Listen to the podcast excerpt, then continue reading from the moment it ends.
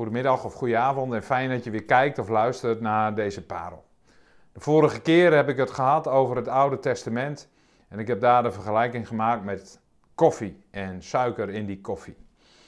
Als je dat wil weten moet je die parel nog even terugkijken, want eigenlijk is dit een vervolg daarop. Jezus geeft inhoud aan het Oude Testament. Dat is eigenlijk samenvattend waar de vorige parel op neerkwam.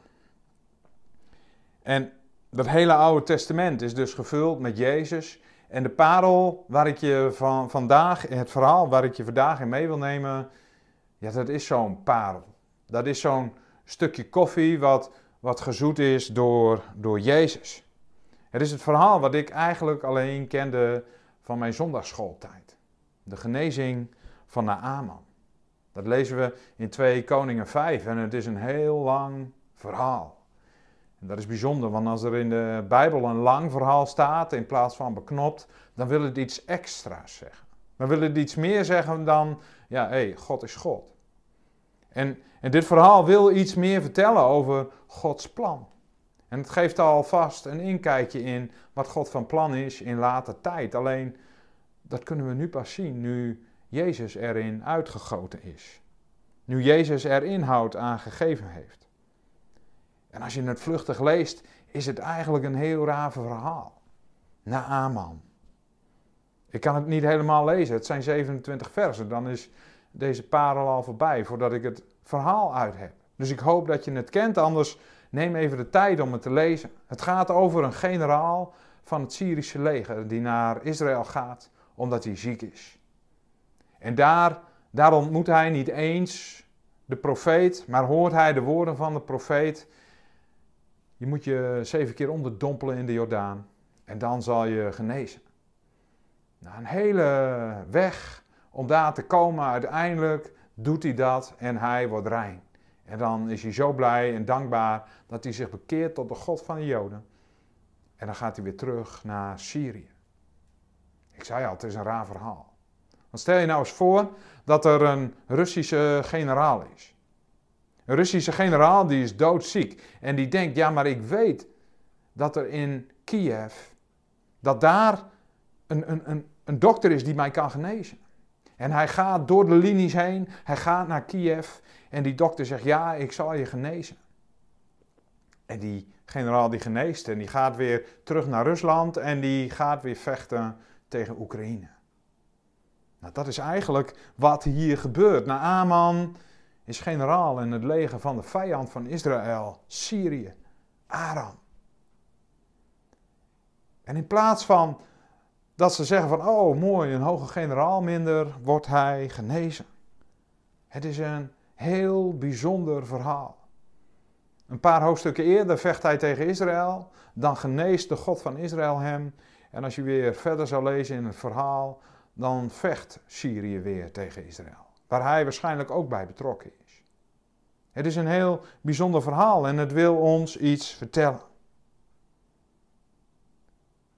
Het gaat bij Naaman niet zozeer om zijn uiterlijke genezing. Al lijkt dat wel zo in eerste instantie.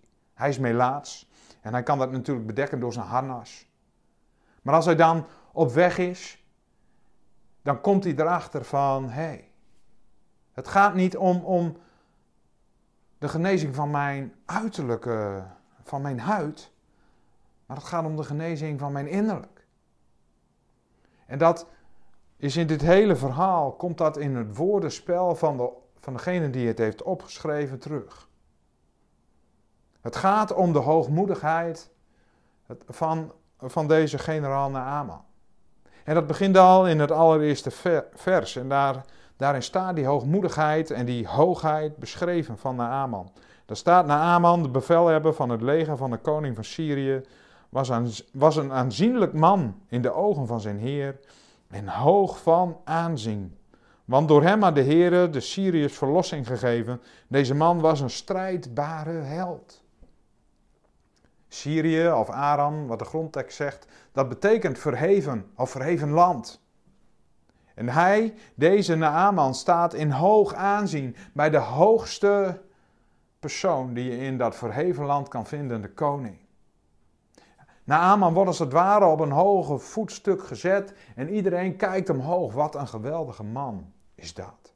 Hij had zelfs heel Syrië bevrijding gegeven van zijn vijanden, zegt de Bijbel. En dan gaat hij op reis omdat hij ziek is. En dan komt hij, deze verheven man, bij een profeet. En hij ontmoet die profeet niet eens. En daarom wordt hij ook boos. Want hij zegt, ja maar ik ben zo geweldig, ik ben zo goed. En dan wil die, die profeet van een God die ik niet ken, mij niet eens ontmoeten. Maar die stuurt een dienstknecht om mij te vertellen wat ik moet doen. En dan moet ik ook nog naar het water van de Jordaan. En daar zien we ook echt de, de, de speling van de woorden.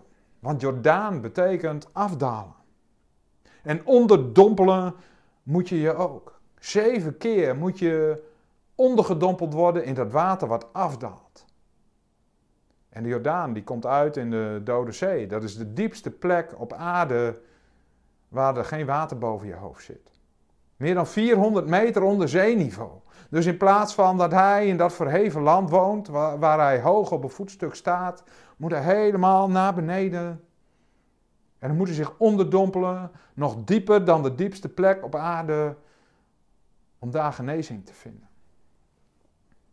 En dat is het, het verhaal van Naaman. En daar wordt hij genezen van zijn hoogmoedigheid. En dan moet ik denken aan de woorden van Jezus. En ieder die zichzelf verhoogt, die zal vernederd worden. Maar een ieder die zichzelf vernedert, die zal verhoogd worden. En dat zien wij hier in dat verhaal van Naaman. En dat is niet het enige. Het is ook, als je uitzoomt, het beeld van de kerk van vandaag de dag. Het is het beeld van de kerk.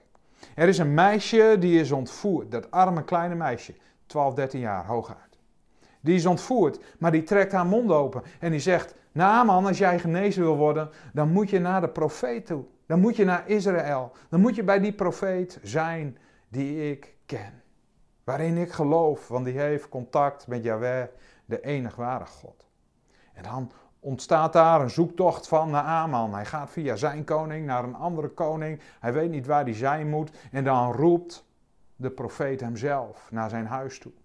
En dan ziet hij weliswaar niet de profeet, maar hij hoort wel de woorden van de profeet. En als hij dan toepast wat de profeet hem heeft gezegd, dan geneest hij. En als je dat van bovenaf ziet, dan zie je iemand in een vreemd land die ontvoerd is, die daar eigenlijk niet hoort. Die apart gezet is in dat vreemde land om mensen te wijzen op iemand die ze nooit zullen ontmoeten. Dat is de kerk. Dat is de kerk van vandaag de dag. Wij hebben de opdracht om, om Jezus bekend te maken, om mensen te wijzen naar Jezus. Hey, als jij genezing wil van je innerlijk, dan moet je bij de profeet zijn. Moet je bij de profeet zijn. En dan ontstaat er een zoektocht bij mensen als ze dat horen en uiteindelijk zullen ze dan bij de profeet komen. Ja, niet direct in het, die, die profeet zien, maar wel bij het huis waar die profeet woont. Zijn kerk. En daar zullen ze de woorden horen die de profeet spreekt. Dat is, dat, is wat wij als kerk toch doen. Gods woorden spreken. En als de mensen die dat horen, dat toepassen, Oh, dan zullen we zien dat mensen tot geloof komen en dat ze zich zullen onderdompelen. Het beeld van de doop. Wat een bijzonder verhaal is dat verhaal van Naaman. Maar er is één ding. In dit hele verhaal wat elke keer weer terugkomt. Er verandert pas iets. Er verandert pas echt iets. Als je doet wat God zegt. Dat meisje had omdat ze bij het Joodse volk hoorden, de opdracht gekregen om God bekend te maken, om te laten zien hoe dichtbij God was. Het staat in Deuteronomium 4. En op het moment dat ze dat niet doet en niet had gewezen naar de profeet die, die bij God hoorde, had ze dat niet, had, had Naaman geen genezing gevonden. Op het moment dat die bode de woorden van Elisa hoort en die, uit, en die niet zou uitspreken naar Naaman, dan zou Naaman niet weten hoe hij genezen zou moeten worden.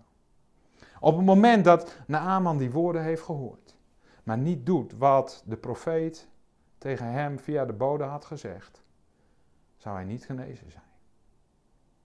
Dus is het onze roeping om mensen te wijzen op God. Om zijn woorden te blijven spreken en om mensen aan te moedigen om zich te vernederen voor God. Zodat ze verhoogd zullen worden. En de mensen die het horen, die hebben een opdracht. Om dat te doen wat God zegt. En het mooiste woordenspel zit dan aan het begin. En dan gaat dat over dat kleine meisje. En dan staat dan in vers 2: Er waren een uit Syrië getrokken die een klein meisje uit het land Israël hadden ontvoerd. Een klein meisje, een dienstknecht. Zij was slavin. En dat, dat bindt de schrijver samen met, de, met vers 14. Daarom daalde hij, en dat is natuurlijk Naaman, af, dompelde zich zevenmaal onder in de Jordaan, overeenkomstig het woord van de man Gods. En zijn lichaam werd weer gezond als het vlees van een kleine jongen. En daar wordt hij gelijk aan dat ontvoerde meisje. En dat is precies wat er met mensen gebeurt. Als ze zich onderwerpen aan God.